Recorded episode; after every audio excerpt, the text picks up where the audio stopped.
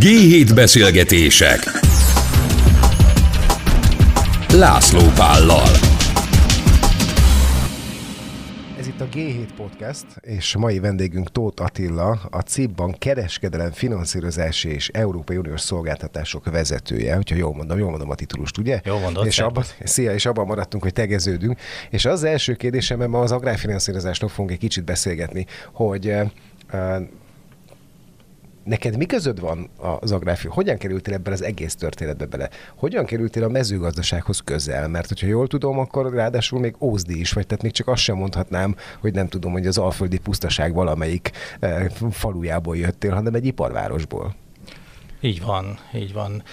Hát ez a történet eh, rendszerváltáskor indult, amikor a, az édesapám úgy volt, hogy elveszíti a, a munkáját, és eh, azon gondolkodott, hogy, hogy mivel lehetne foglalkozni, annak érdekében, hogy hogy áthidaljuk ezt, a, ezt az időszakot, és azt találta ki, hogy alapvető élelmiszert arra mindig szükség van, és hát egy külvárosi részbe, illetve egy csatolt községbe éltünk, és mi megnézte, hogy mire van lehetőség. És hát azt gondolta ki, hogy tojótyúkokkal fog foglalkozni, és hogy első évben száz darab tojótyúkot rendelt, bábolnáról, és, és jó működött, majd második évben már 300-at, majd 500-at, és, és ezret, és ez így 22 évig folyamatosan Tulajdonképpen mekkora céget csinált belőle? Ez nem cég, ez egy egyéni mm, vállalkozás, vagy gazdálkodás. De hát, hogyha mondjuk, ha pénzzel foglalkozunk, akkor valamiféle uh, támpontot csak van arról, hogy mondjuk ez mekkora biznisz volt. Hát ez pont akkora volt egyébként, ami a, a család átsegítette, átsegítette uh-huh. ezen, a, ezen a nehéz időszakon. Hál' Istennek egyébként másképp alakult, mert, mert meg tudta tartani a munkáját, és így munka mellett azért egy, egy második állás volt, és Ezt úgy hívták régen talán, hogy háztái. Ez háztái volt pontosan. pontosan, és az egész család részt vett ebben a, ebben a munkában. És innen van, innen van akkor a vonzódás ahhoz, hogy agrárium, e, és hogyan lett belőle egy olyan szakember, aki agrárfinanszírozással foglalkozik? E, innen indult az egész agrárium, illetve onnan, hogy anyai ágon nagyszüleim gazdálkodással foglalkoztak, és e, a nyári szüneteket náluk töltöttem. Tehát a, a vonzalom az megvolt, és, és hát nem innen indultam én egyébként, ettől sokkal messzebbről a adóellenőrként kezdtem a munkámat, majd pedig, majd pedig pénzintézeteknél folytattam. Életemben nem találkoztam még közelről adóellenőrrel, ez egy nagyon jó tapasztalás, hogy oké, okay, oké, okay, térjük rá a témánkra, és hogy valahogy próbáljuk meg megfogalmazni, hogy miről is fogunk ma beszélgetni. Agrárfinanszírozásról és azon belül is, agrárfinanszírozásról, és azon belül is, hogy, hogy először is az agrárium megítélése, társadalmi megítélése, gazdasági szerepe, a nemzetgazdaságon belüli helye, ezt hogy kezelik a bankok, hogy kezeljük mi a CIP bankban. És, és hogy kezeljük? Hát hogy kezeljük? Hát én azt gondolom, hogy először, hogyha hogyha az agráriumot be kellene mutatni, és hogyha mondjuk egy nagyvárosi embert megkérdezünk arról, hogy, hogy mit gondol az agráriumról, valószínű, hogy a, a véleményével kapcsolatban, vagy hát nem lennénk nyugodtak, hogyha halljuk a véleményt. Hogyha az élelmiszeriparról, ugye szorosan kapcsolódik az agráriumhoz az élelmiszeripar, hogyha az élelmiszeriparról kérdezzük meg az embereket, akkor, akkor már sokkal szélesebb skálán mozog ez a vélemény. Van, aki azt mondja, hogy az iparszerűen előállított élelmiszer az egészségtelen, van, aki pedig azt mondja, hogy ez szükséges, mert hogy ezt másképp nem lehet csinálni. Szóval ez nagyon érdekes dolog. Hogyha a nemzetgazdaságon belüli e, szerepét vizsgáljuk, akkor, akkor a GDP-ből 2020-ban a GDP-ből a részesedése a mezőgazdaságnak 4% feletti. Ez enyhén emelkedik egyébként a, az előző évhez e, viszonyítottan. Hogyha a foglalkoztatottak arányát nézzük, akkor, akkor az 4,6%. De hogyha, e, és talán egy kicsit előre mutatva itt a beszélgetésben, hogy egy 20 évvel ezelőtti adatot néznénk meg, ott pedig azt látjuk, hogy majdnem duplája, tehát 7% a foglalkoztatottak aránya. De a, de a GDP arány is ugyanekkorában csökkent? Nem, nem, nem, nem, nem. A GDP aránya szépen fejlődik, lassan, de szépen fejlődik, a GDP részesedése, a foglalkoztatottak aránya pedig csökken, ez azt jelenti, hogy kevesebb élő munkaerőt használ fel a, a mezőgazdaság, egyre kevesebb embert foglalkoztat. Ami még nagyon érdekes és fontos, hogy a kereskedelmi finanszírozás területen dolgozom a bankban, hogy az export részesedése a mezőgazdaságnak 9% feletti volt a tavaly évben. Egyébként ez jellemzően 9% körüli, kicsit 9% alatt volt az elmúlt években. Hát nagyon fontos szerepet tölt be a nemzetgazdaságon belül. És hogyha, hogyha a társadalmi megítélését vizsgáljuk, akkor ha lehet ilyet mondani, hogy mennyire, mennyire trendi vagy, vagy szexi a mezőgazdaság gazdálkodónak lenni. Hát azt gondolom, hogy az emberek véleménye alapján talán, hogyha a, a foglalkozásokat sorba ott az utolsó harmadban szerepelne. Ennek pedig az az oka, hogy, hogy itt azért folyamatosan talpon kell lenni. A szabadság nem akkor van, amikor az ember gondolja, főleg ugye a, a munkaidő csúcsokon gyakorlatilag mindenki kapacitás szűke van, mindenkinek dolgoznia kell és egy folyamatos jelenlétet, jelenlétet igényel. De ez ahhoz képest, ahogy egyébként a mezőgazdaságra tekintünk, nem tudom én, 50 80 évvel ezelőtthöz képest, ahhoz képest azért ma ez a munka sokkal könnyebb. Hát attól függ, hogyha, hogy, hogy mit nézünk. Hogyha kisvállalkozásokat nézünk, családi gazdaságokat, ugye nagyon sok családi gazdaság van mezőgazdaságon belül, a, hát nem egy, nem egy, nem egy könnyű történet. Most, hogyha egy, egy példát mondok, a, a hétvégén a feleségem lebeszélt egy helyi epertermelővel, egyébként Veresegyházi vagyok, most ott, ott tényleg, egy helyi epertermelővel, hogy, hogy még a szezon végén vásárolnánk két láda epret, és pont arra, arra jártam, fej volt a feleségem, mondta, hogy ugorjak már be. Bementem, anyuka nyitott ajtót, ez egy igen késő délutáni óra volt, majd megjelent az egész család. Hát egyértelműen látszott mindenki, hogy, hogy nem a légkondi alatt dolgoztak. Nagymama is ott volt, beszélgettünk, elmondták, 7 hektáron gazdálkodnak, ugye ez kertészet, hát nagyon manuális munka, és a nagymama lába be volt kötve, láttam, és egy idő után mondta, hogy ne haragudjak, de neki be kellene menni egy kicsit leülni, mert már hetek óta kint vannak az eperföldön, és fáj a lába. Szóval nem, nem egy egyszerű történet, és, és, és tényleg egy elhivatottságot jelent ez mindenki számára. Most ebben a pillanatban milyen kihívásokkal küzd az ágazat?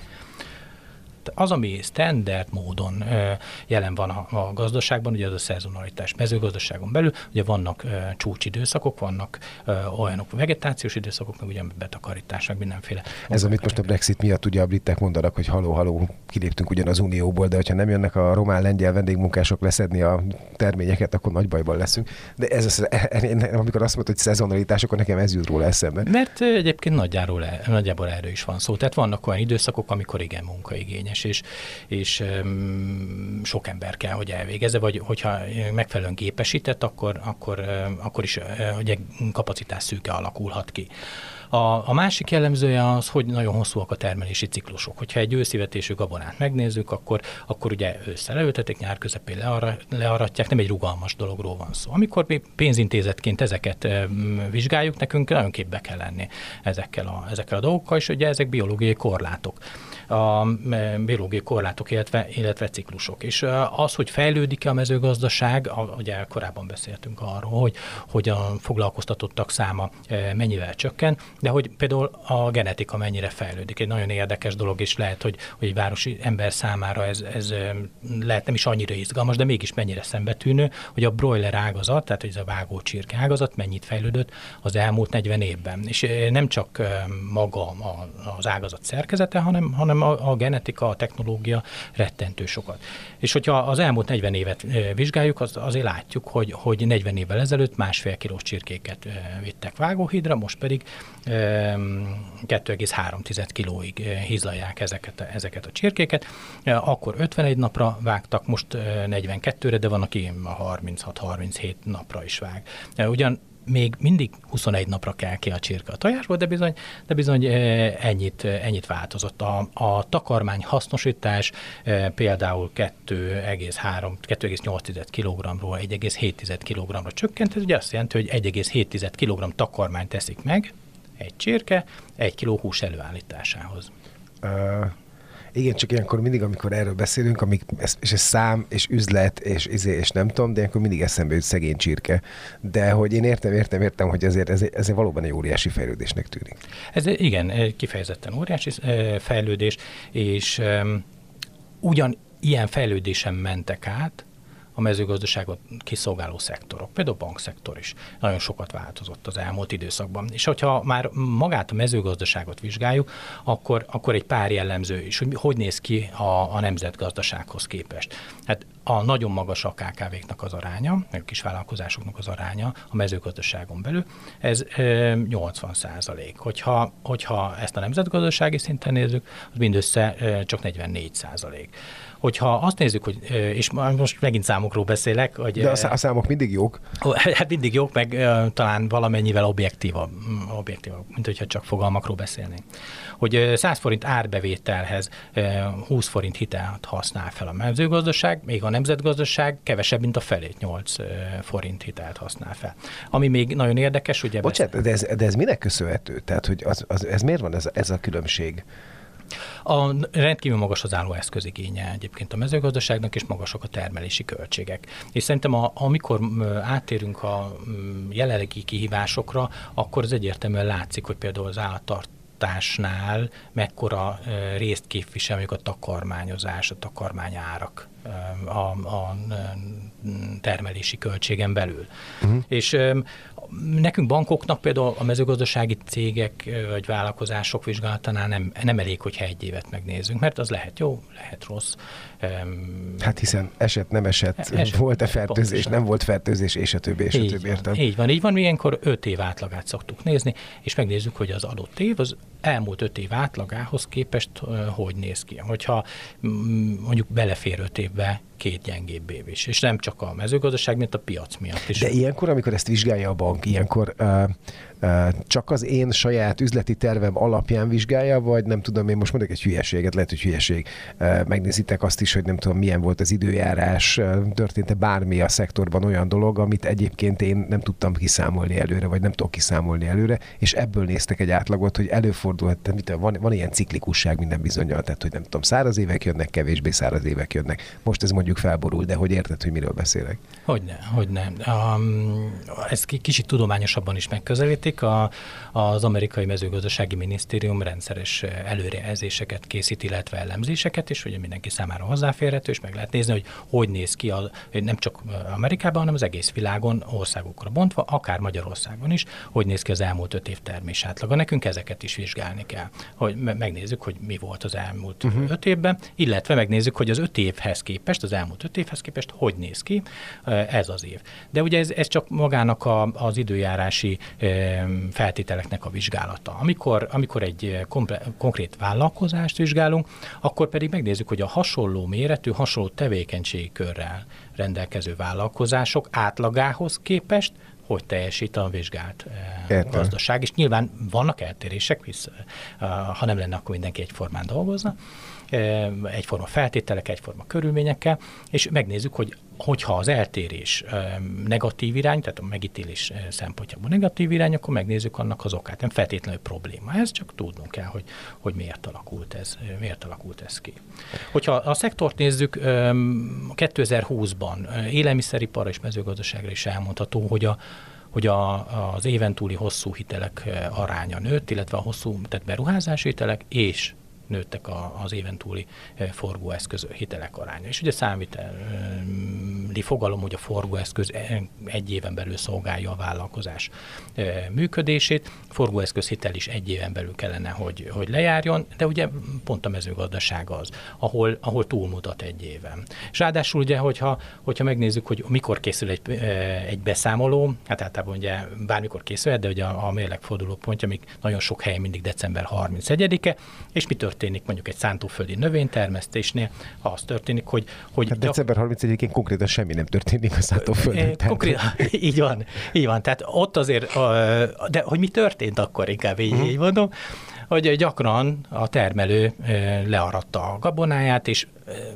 lehet, hogy még el sem adta, ott van a raktárba, ott áll benne a pénze, ugyanakkor már az őszivetésű gabona a földben van, ezt úgy mondják, hogy talicskával tolja ki a pénzt a szántóföldre a vállalkozás, tehát azt jelenti, hogy talaj előkészítés, vetés, és ugye növényvédelem. Tehát neki, neki ott ö, még lehet, hogy a, nincs pénze az előző évi vagy a tárgyévi ö, betakarításból. Ez nagyon jelentősen ö, terheli a cégnek a cashflow-ját. Tehát ilyenkor bármennyire azt gondolnánk, hogy betakarítás után vagyunk, és mindenkinek van pénze, egyáltalán nem igaz. Pont ilyenkor kell egyébként a hitel, gondolom. Így van, így van. Ezeket, ezeket át kell hidolni.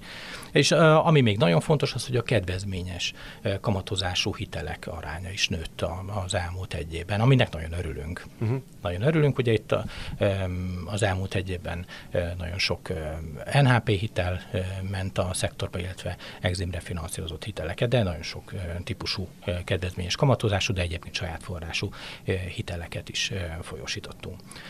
És hogyha a, korábban kérdezted, hogy, hogy mik, a, mik az aktuális kihívások, tehát ezek voltak az amik, az, az, amik úgy általában jellemző. Az aktuális kihívások pedig az, hogy a piacot ismerni kell. Piacot ismerni kell nem csak a, nem csak a termelőnek, hanem mondjuk a finanszírozónak is. Azért a, a finanszírozás több mint a fele, szállítói finanszírozás, a halasztott fizetésekből adódó finanszírozás, de a másik nagy blokk pedig a pénzintézeti finanszírozás. Uh-huh. És a ugye ilyenkor e, a mm, külső forrás kerül a, kerül, kerül a cégbe, e, számtalan számtalan kihívás elé néz egy-egy vállalkozás, és ezeket forrásokkal kell áthidalni. Például egy, egy nagyon érdekes történet, ez év márciusban történt Amerikában, hogy a közösségi média milyen szinten meg tudja változtatni a, a fogyasztókat. Egy TikTok videó terjedt a, a, a, neten? a médián, a neten, így van, és ez egy fetta sajtos paradicsomos tészta recept volt, amit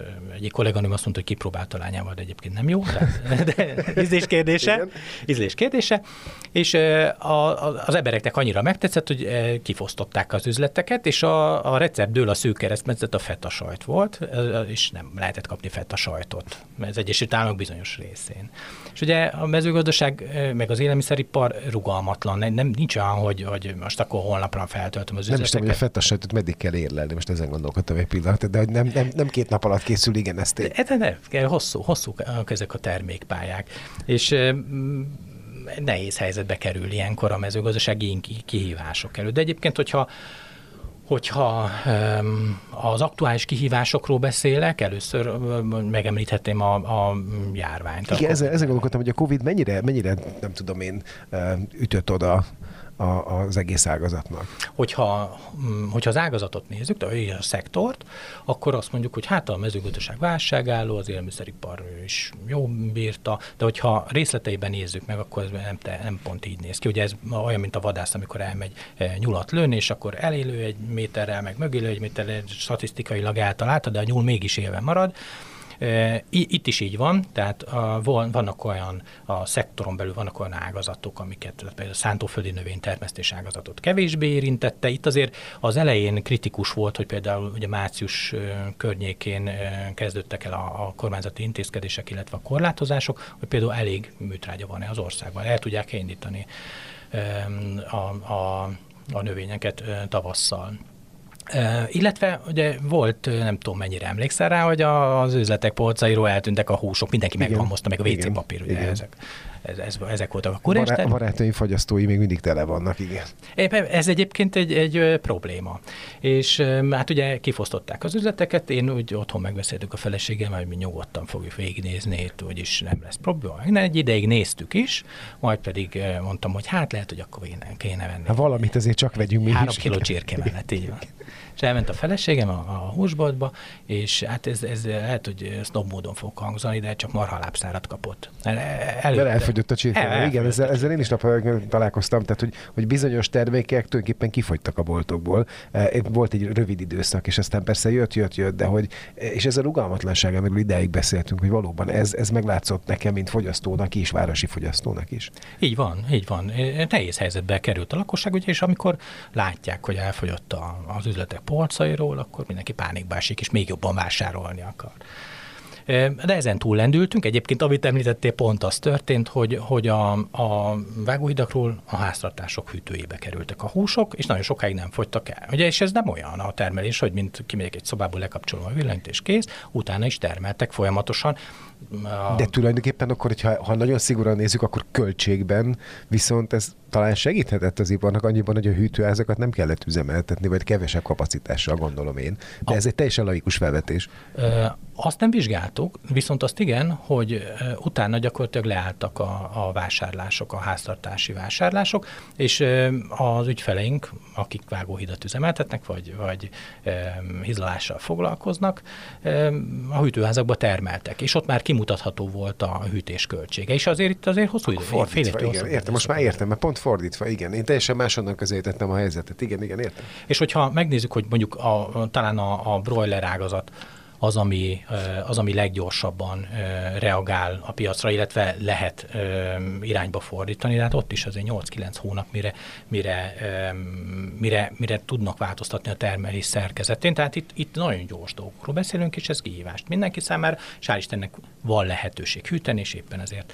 éppen ezért áthidaltuk ezt az időszakot is, de mm, sok vállalkozás nehéz helyzetbe kerül. De egyébként a horeka szektor például, ugye a, a, az éttermi vendéglátás, is nagyon súlyos helyzetbe került azzal, hogy bezárták, a, vagy nem nyithattak ki. És hát itt a víziszárnyas termelők, tenyésztők kerültek nagyon nehéz helyzetben. Mert ugye azt állítjuk egyébként, hogy a, a víziszárnyas piacnak a java az még mindig az éttermi piac? Jellemző részben igen. Oh. Jellemző részben igen. Van, most már nagyon jó termékek vannak, kényelmi termékek háztartások számára is elérhetőek, de, de jellemzően azért kacsa, combot, libamájat Inkább azt inkább étterembe Azt, aha, azt inkább aha. Ugye, és ez, ez, ez egyik kihívás. A másik kihívás a, a takarmányárak változása is együtt említeném egyébként az állati járványokkal. Tehát nem csak a, az emberek között van járvány, az állatok között is, és ezek világszintű járványok. Most, hogyha két nagy járványról ö, beszélek, az egyik a baromfi influenza, a másik a sertéspest is. Igen. És ugye nekünk ezzel tisztában kell lenni pénzintézetként is, hisz vannak olyan ügyfeleink, akik ezzel foglalkoznak, és hogyha abban bízunk, hogy a mi ügyfeleink úgysem lesznek érintettek, akkor, akkor naivak vagyunk nagyon. Tehát ez előbb-utóbb bekövetkezhet. Meg kell nézni, hogy milyen feltételekkel, eh, hogy tudnak ezekből kiszállni. Tehát azért nagyon eh, komoly járványügyi intézkedések vannak az ágazatokon belül, és Hát egyébként pont a sertésárakról, sertésárakról, hogyha mondok egy pár gondolatot, azért eh, mondjuk a tavalyi év elején még, vagy még azelőtt egy kicsit nagyon magas sertésárak voltak, egészen addig, amíg Németországban meg nem jelent a, a sertéspest, és én onnantól kezdve nem szállíthatott a harmadik országba, és az Unió maradt az összes német sertéshús, és innentől kezdve nagyon nehéz helyzetbe kerültek a sertéstenyésztők. És akkor kicsit átevezve a, a takarmányárakra, itt komoly változások voltak. Búza kukorica tekintetében kukorica 70%-kal legalább többe kerül, mint tavaly ilyenkor. Ez mitől? A, na, összetett oka van. Mert, ezt, mert azt, a, látom, azt látom, hogy ha, ha rossz a forint, akkor én a Spanyolországban termelt saját zöldségemet, a sarki zöldséges, mert nem tudom megvenni, de hogy, de hogy azért ez egy elképesztő emelkedés, amit mondasz. Így van, így van. És mond, mondtam neked, hogy itt azért összefüggés van az állati járványok és a takarmányárak között. Kína gyakorlatilag kiírtotta a házi sertés állományát, a sertéspestés miatt, és elkezdte újra telepíteni. És olvastam ilyet, hogy, hogy annyira nincs elegendő kukoricája, hogy, hogy rizsel is etetik a, a disznókat. Hát ő gyakorlatilag mindent felvásárol, és felhajtja az árát. De ez, ugye egy takarmány miből áll? Búza, kukorica, meg fehérje takarmány, tehát szója, napraforgó, stb. stb. Mindennek az ára megy fölfelé. A szója, napraforgó dara szintén, kukorica, búza szintén. Azért a legszembetűnőbb a napraforgó, illetve a kukorica az, ahol, az, ahol jelentősen változott. Ez az egyik oka. A másik oka pedig az, hogy, hogy hogyha a mezőgazdasági termékek árát vizsgáljuk, akkor mi mondjuk Magyarország a Fekete-tengeri régióhoz tartozik, és az árak körülbelül úgy mozognak, mint ahogy ott és ott um, voltak nagyobb terméskiesések, illetve elcsúszott nagyon az aratás a tavalyi elsős időjárás miatt, és elkezdtek felfelé menni az árak. Tehát összetett, összetett mm. ennek, a, ennek az oka. És ugye, hogyha azt nézzük, hogy, hogy a hizlalással foglalkozó állattartók, most legyen az baromfi vagy, vagy sertés, a takarmányozási költségek több mint 60%-át, akár 66%-át is kiteszik a takarmányköltségek, akkor gondolhatjuk, hogy milyen nehéz helyzetben vannak úgy, hogy az árak pedig mondjuk sertés esetében csökkentek. És akkor ebben az esetben ti tulajdonképpen egy, egy nagyon jelentős pénzügyi támogatást, tehát forgóeszköz hitellel tudtok segíteni. Hát ez egy áthidaló ö, időszak, Igen. és mi próbálunk ö, optimistán nézni a jövőbe, hogy ö, azt gondoljuk egyébként, hogy előbb-utóbb a fogyasztói árakban is látni fogjuk ezeket az áremelkedéseket, és nagyon bízunk benne, hogy nem csak a ö, kereskedői oldal jár ezzel jó, hanem vagy kereskedői oldal hárítja át a fogyasztókra, hanem a, hanem a termelők is pénzükhöz jutnak, már csak azért is, mert hogy, hogy ugye a motor része ott van a, a termelésnek és, és ők, ők szolgáltatják az alapot, az áru alapot ahhoz, hogy ez, ez működni tudjon. Szerintem most, most van az a pont, ahol, ahol átmehetünk a kereskedelmi finanszírozásra egy picit. Így van. Így van. A, hogyha üzletekről volt szó, hogyha a nagy bevásárlóközpontokat nézzük. A kereskedelmi finanszírozás egyébként egy, egy összetett tevékenység. Igazából, igazából a, az áru eljuttatása a fogyasztóig, illetve, illetve nem csak ez, hanem a maga gyártás előfinanszírozás, gyártás finanszírozás, utófinanszírozás is ebbe a témakörbe tartozik, fizetési módok tartoznak még ide. Ez egy, ez egy ilyen speciális szakterület, a, a pénzintézeten belül, és azért hozta ezt a létre egy-egy pénzintézet, majdnem minden bankon belül van, hogy ne a, az ügyfél kapcsolattartók foglalkozzanak ezzel a, ezzel a témával, mert ez egy, mert ez egy szak terület, uh-huh. és, és ezzel, ezáltal időt spórolunk meg a kapcsolattartónak, amit az ügyfél kapcsolatra tud fordítani. És hogyha, tehát egy termelési ciklus végig tudunk finanszírozni, majd pedig ugye mi nagyon szeretjük, hogyha egy vállalkozás nem csak Magyarországon, hanem határainkon túl is megméretteti magát, és hogy eljusson a, a, a határon túlra az az áru, ahhoz adott esetben finanszírozás is szükséges. Itt nagyon sok típusú forrást be tudunk vonni ebbe a megoldásba, illetve ugye mondjuk utófinanszírozás esetén akár egy faktoring is szóba jöhet, vagy hogyha átlépi az áru az országhatárt, akkor akkreditíve, tehát bankok egymás között uh-huh. um, intézik, a, intézik a fizetési, fizetéseket, és így biztosan a pénzéhez jut a, a termelő, vagy, a, vagy az exportőr. Hogyha egy kicsit visszakanyarodunk még mindig a üzletekről kezdtem beszélni, tehát ha a plázákat nézzük, ugye be kellett zárni a bevásárló központokban lévő, lévő üzleteknek, nagyon, nagyon nehéz helyzetbe kerültek. Ugye nagyon sok pénzintézeti finanszírozás van ezekben, a, ezekben az üzletekben is, itt is árut finanszíroznak, de gondoljuk csak egy divatáru kereskedőt, akinek be kell zárni a tavasszal, be van rendelve már az áru, sőt, adott esetben már ott is van, és nem tudja eladni, mert nem nyithat ki. Ráadásul ezek az üzletek jelentős része bérelt üzletek, itt a, a fizetés biztosíték a bankgarancia, tehát egy bank vállal a kezességet azért, hogy a, a bérlő fizetni fog. És a fizetési moratórium nem vonatkozik a, a bérleti fizetésre, én... Hát nekem volt, volt egy csomó-csomó olyan, olyan ismerősöm közelebbi is, meg távolabb is, akik ezzel az egész pandémia alatt illatlan problémába kerültek. Tehát, hogy az üzlethelységet ki kellett fizetni, az áru már megjött, valóban ott volt nála, viszont eladni nem lehetett, és hát egyszerűen nem volt sehonnan forrás szerezni, tehát, hogy egyszerűen iszonyú nehéz volt. Így van, ezt nagyon nehéz átélni a vállalkozásoknak ezt, a, ezt az időszakot. Gyakorlatilag kiadási oldalon nyitva maradtak, bevétel oldalon pedig bezártak. Ugye nagyon sokan áttértek a, az internetes kereskedelemre, már ahol ez működ, működhetett, egyébként rendkívül gyorsan fejlődött az elmúlt időszakban ez a, ez a, mm, ez a szektor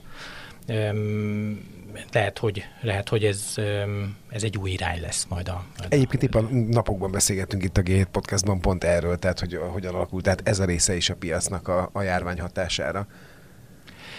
Így van. Nagyon sokat, nagyon sokat fejlődött. Szerintem új szakmák is jönnek létre, hogy új, új felgyorsult a világ. Tehát mindenképp, mindenképp egy, egy, egy másik pályára léptünk rá. És nem tudom, hogy ehhez mennyire kell majd hozzászokni. Én azt gondolom egyébként, hogy, hogy ez egy kényelmesebb és egy, és egy sokkal gyorsabb történet lesz a mi életünkben. Uh-huh. És innentől kezdve szerintem a, a határok is kitolódtak, legalábbis nagyon remélem. De azért szerintem ebben a szektorban is kérdés az, ami ma minden cégnél és minden vállalkozásnál kérdés, az pedig a fenntarthatóság, illetve a zöldítés. Tehát, hogy én nekem két gyerekem van, és iszonyú kétségbe vagyok esve attól, hogy mi lesz ezzel a földdel, és nem nagyon látom, hogy mi a megoldás, és a mezőgazdaság az, az valóban egy olyan része a gazdaságnak szerintem, ahol, ahol iszonyúan lehet is figyelni arra, hogy ez fenntartható legyen. Erre ti figyeltek, hogy ez, ez hogyan működik majd? Igen, figyelünk, nagyon, nagyon érdekes, hogy kicsit visszakanyarodva az elejére, hogy mit gondol egy átlagember a mezőgazdaságról. Tehát azon már túl vagyunk, hogy hogy bekötött fejű nénik kapálnak a, a földeken. Most már e, olyan szántóföldi növénytermesztő gépek, de egyébként az állattenyésztésben is olyan technológiák vannak, amik amik fokozottan figyelnek a környezetterhelés csökkentésére. Egyébként pedig a, a közös agrárpolitika, ami éppen megvitatás alatt van az Unióban, kiemelten foglalkozik azzal, hogy, hogy a környezetterhelést csökkentsük, illetve az energiahatékonyságot növeljük.